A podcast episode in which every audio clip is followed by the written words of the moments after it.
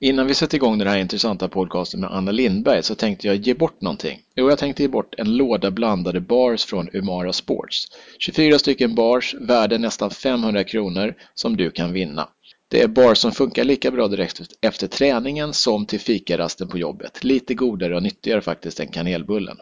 Smakerna är äpple, mörk choklad, torkade tranbär och kokosflingor. 24 bars helt utan kostnad. Hur vinner du det? Jo, du vinner genom att gå in på simregler på Facebook och dela och likea den här posten med Anna Lindbergs podcastintervju i snabbbanan.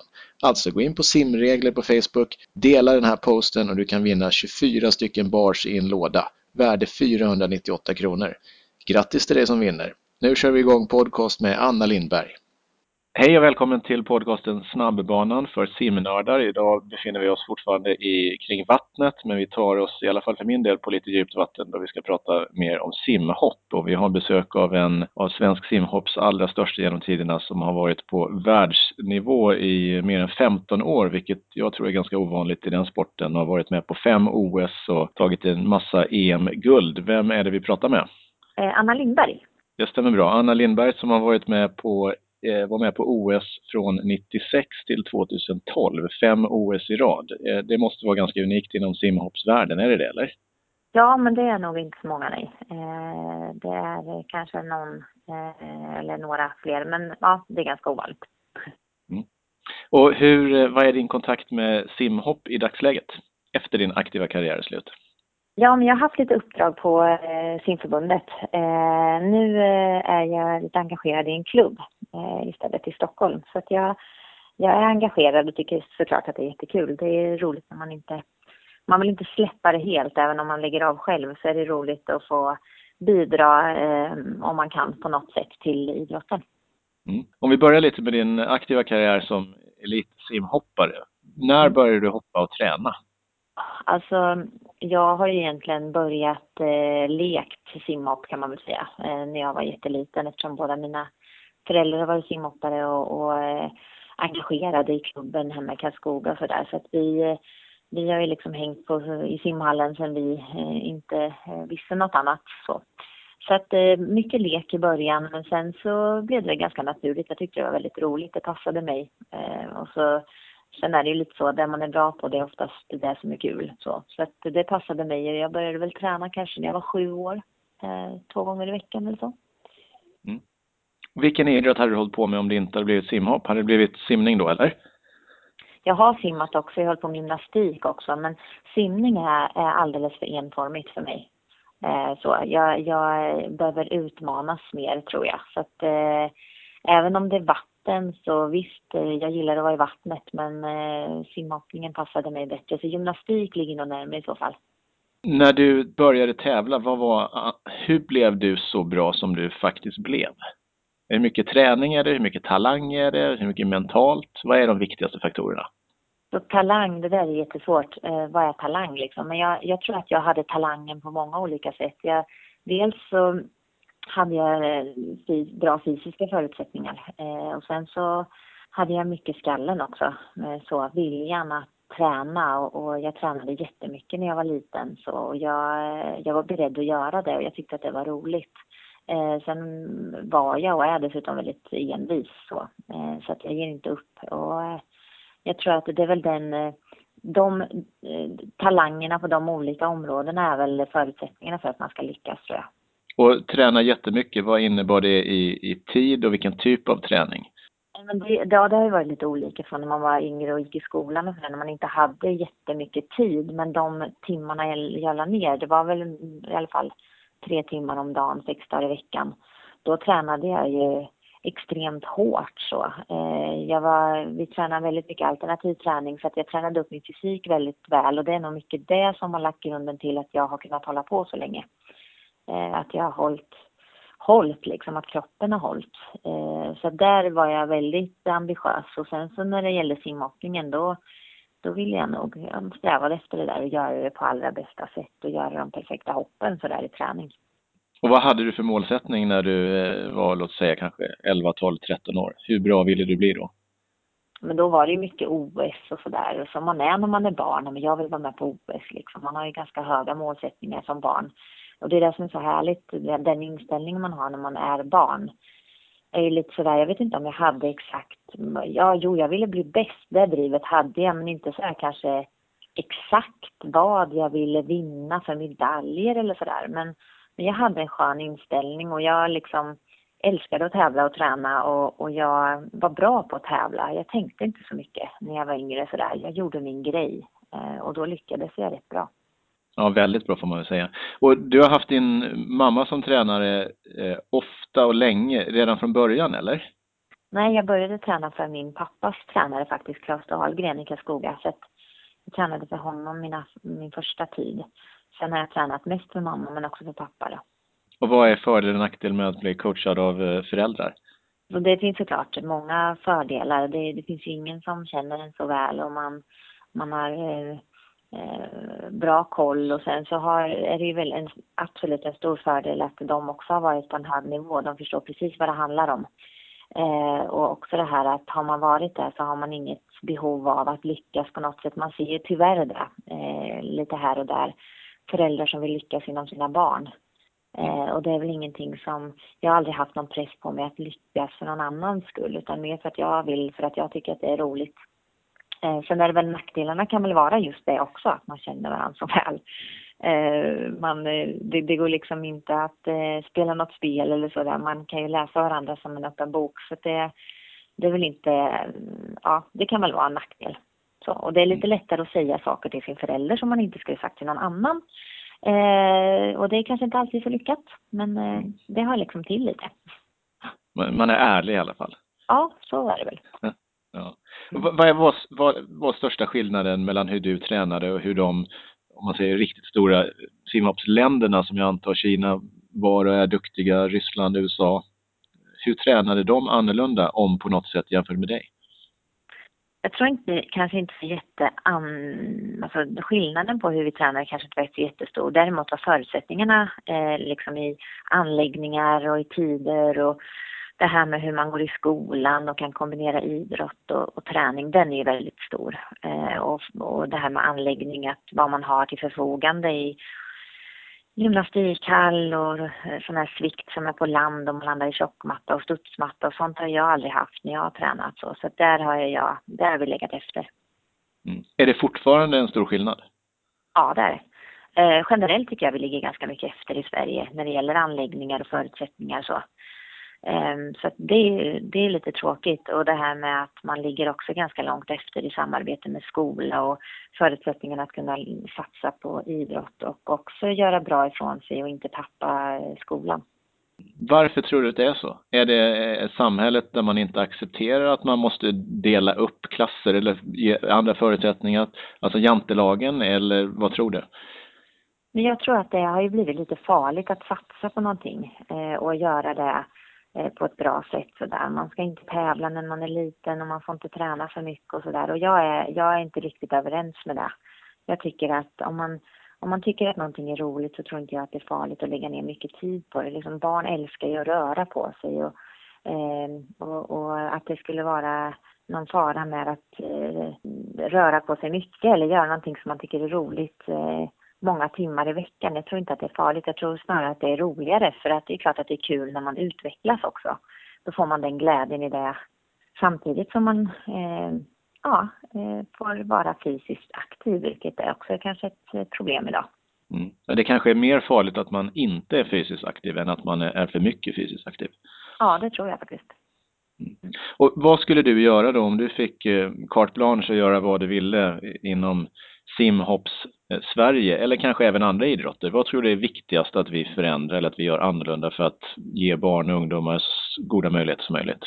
Ja, men vi har faktiskt börjat. Det är det som är lite mitt engagemang i en klubb i Stockholm nu. Vi har startat ett utvecklingsprogram eh, där vi vill eh, ge barnen som tycker att det är roligt att hoppa simhopp och vill, och vill vara där några fler gånger i veckan så förutsättningarna att eh, att eh, få träna på ett bra sätt i en rolig träningsmiljö och, och göra de rätta sakerna från början egentligen. Att lära dem rätt saker från början så att de utvecklas eh, eh, i rätt takt och sådär.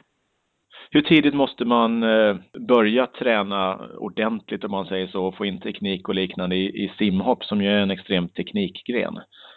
Alltså jag tror inte det finns någonting som är någon måste, någon ålder som måste vara exakt så. Vi utvecklas i olika takt och, och vissa är senare och vissa är tidigare sådär. Men Eh, som alla mm, väldigt extremt tekniska idrotter så behöver man ju börja ganska tidigt ändå för att öva in rätt, eh, rätt tekniker och rätt rörelsemönster sådär. Så att eh, det är klart att det är, det är en fördel om man börjar tidigt.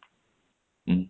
Och finns det någon ålder man känner att ja, men, om man är över 12-13 år eller 10 eller 11 då är det betydligt svårare. Om man tittar på de som är duktiga, om man ser elitmässigt i dagsläget, börjar de när de är 5, 6, 7 eller vad ligger det?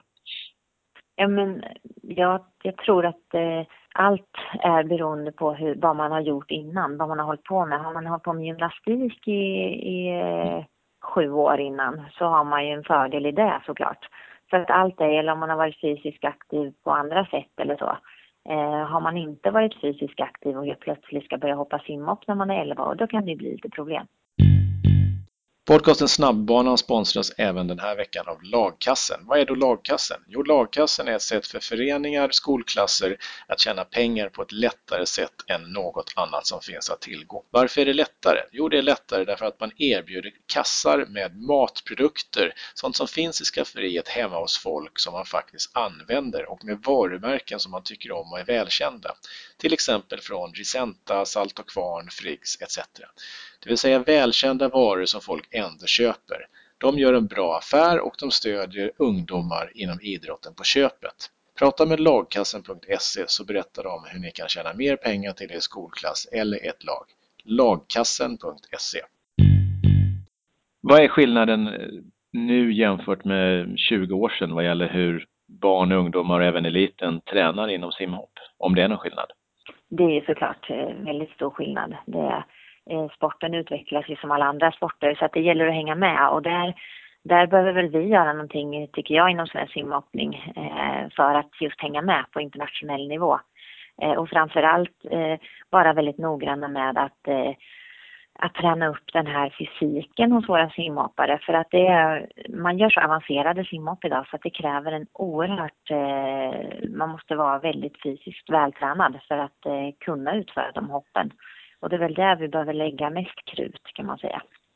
Hur mycket tittar man på de andra delarna utanför vattnet? Fysiken är en del, men kost och mentalt och så. Har du jobbat mycket med det eller har det kommit av sig självt för en del? Nej, vi har också jobbat med det, framförallt det mentala. Eh, så. Och det började jag väl göra egentligen när jag stötte på mina första motgångar sådär. När man börjar, när man börjar tänka och när man börjar tänka i fel banor.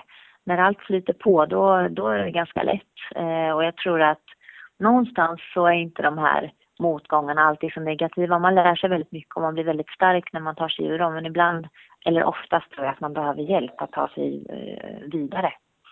Mm. För när det sätter sig på huvudet är det, mm, det kanske är den största svårigheten. Eh, som idrottare har man ju ganska lätt för det fysiska och lätt för att ta sig tillbaka om man till exempelvis är skadad eller sådär. För det är ändå det man är van att göra, röra på sig och träna och så. Mm. Men det mentala, det, det kan vara svårt att fixa själv. Så din största motgång i din karriär var inte när du blev skadad utan kanske när du gjorde dåligt resultat på någon, eller sämre än förväntat resultat på en tävling? Nej, det har varit mina skador, absolut. Det har det? Okay. Ja, att ta sig tillbaka och där man börjar tvivla på sig själv och tvivla på sin egen förmåga och sådär och, och börja känna att man är mer rädd för att misslyckas eh, och sådär. Så att, eh, ja, det har varit ganska tufft i perioder faktiskt. Eh, inom simningen så finns det ett nationellt elitcentrum där man samlar de bästa simmarna. Hur ser det ut inom simhoppet? Har man det också? Eh, nej, tyvärr så har vi inte det. Eh, vi har inget centra så.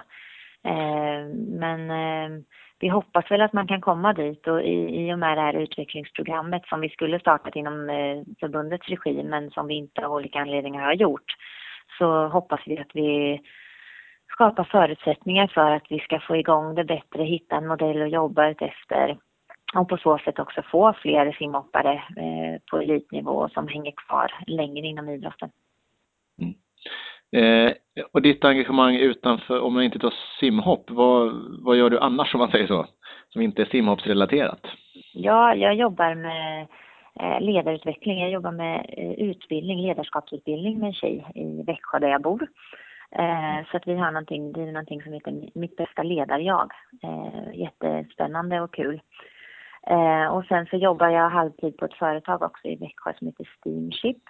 Eh, och sen så föreläser jag en del. Eh, så att, ja, jag har ganska mycket för mig. Väldigt roligt. Eh, göra lite olika, eh, olika projekt. Så. Och om man då ska engagera dig som föreläsare, vilken typ av företag eller organisation skulle kunna ha nytta av det och vad kan du lära dig då? Om man får göra lite reklam för dig själv här. Ja, eh, egentligen så skulle det kunna vara vilket företag som helst som eh, vill eh, prestera Eh, och vill eh, höra hur man som idrottare har jobbat med eh, ja, det här målsättning, planering, att vara strukturerad, att Eh, göra jobbet på bästa sätt varje dag. Eh, det är väl lite det. det vi får de resultat vi förtjänar. Eh, lite så. Men också att ha en balans i livet. Det är oerhört viktigt. Det handlar inte om att jobba så många timmar som möjligt utan snarare vad man gör när man är där. Bra, så det är erfarenheter från din tävlingskarriär med stor dos av envishet och väldigt hård och mycket träning mm. som du tar med dig in alltså. Mm. Mm. Är, det någon, är det någon fråga som jag borde ha ställt som jag inte har ställt? Oj. Ja, det där är alltid svårt. Eh, nej, inte, nej, jag kan inte komma på något särskilt så. Är det no någonting du vill rekommendera? Det är en väldigt bred fråga. Jag tror så här att min, vad jag vill rekommendera det är att man gör någonting som man tycker är roligt, för det är det absolut viktigaste. Om man inte tycker att det är roligt, så kommer inte framgångarna. Så att eh, om man vill lyckas så ska man göra någonting man tycker är kul, men absolut inte glömma bort det hårda arbetet som krävs kloka visdomsord. Har du något tips till föräldrar som har barn som eh, simmar, cyklar, kör simhopp, eh, mountainbike, parkour för att stötta dem i deras aktiviteter? Vad ska man och ska man inte göra som förälder? Ja, som förälder ska man stötta på de områdena där man ska stötta. Eh, och det är att finnas där som förälder, att eh, skjutsa om det behövs eh, och hjälpa till med sånt runt omkring. Men absolut inte lägga sig i det som har med träningen att göra, för det finns det experter till. Så där behöver man inte vara eh, och röra sig. Eh, ännu mer kloka visdomsord. Anna Lindberg, jättetack! Ja, men tack själv! Vi tackar Anna Lindberg för den här intressanta pratstunden. Vi hoppas också att du har kommit igång med din simträning. Snart är det ju öppet vattensäsong. En del kanske ska simma Vansbrosimningen. Då gäller det att man har rätt prylar så att man kan träna och tävla rätt. Var hittar man det? Jo, man hittar rätt prylar på tyrsverige.se och ni kan få 15 rabatt med koden Friends of Ola. Glöm inte bort att använda de rätta reglerna när ni simmar på snabbbanan i bassängen. Var hittar ni reglerna? På facebook.com simregler. Där hittar ni allt ni behöver veta och ni får väldigt bra träningstips också. Lycka till och simma hårt!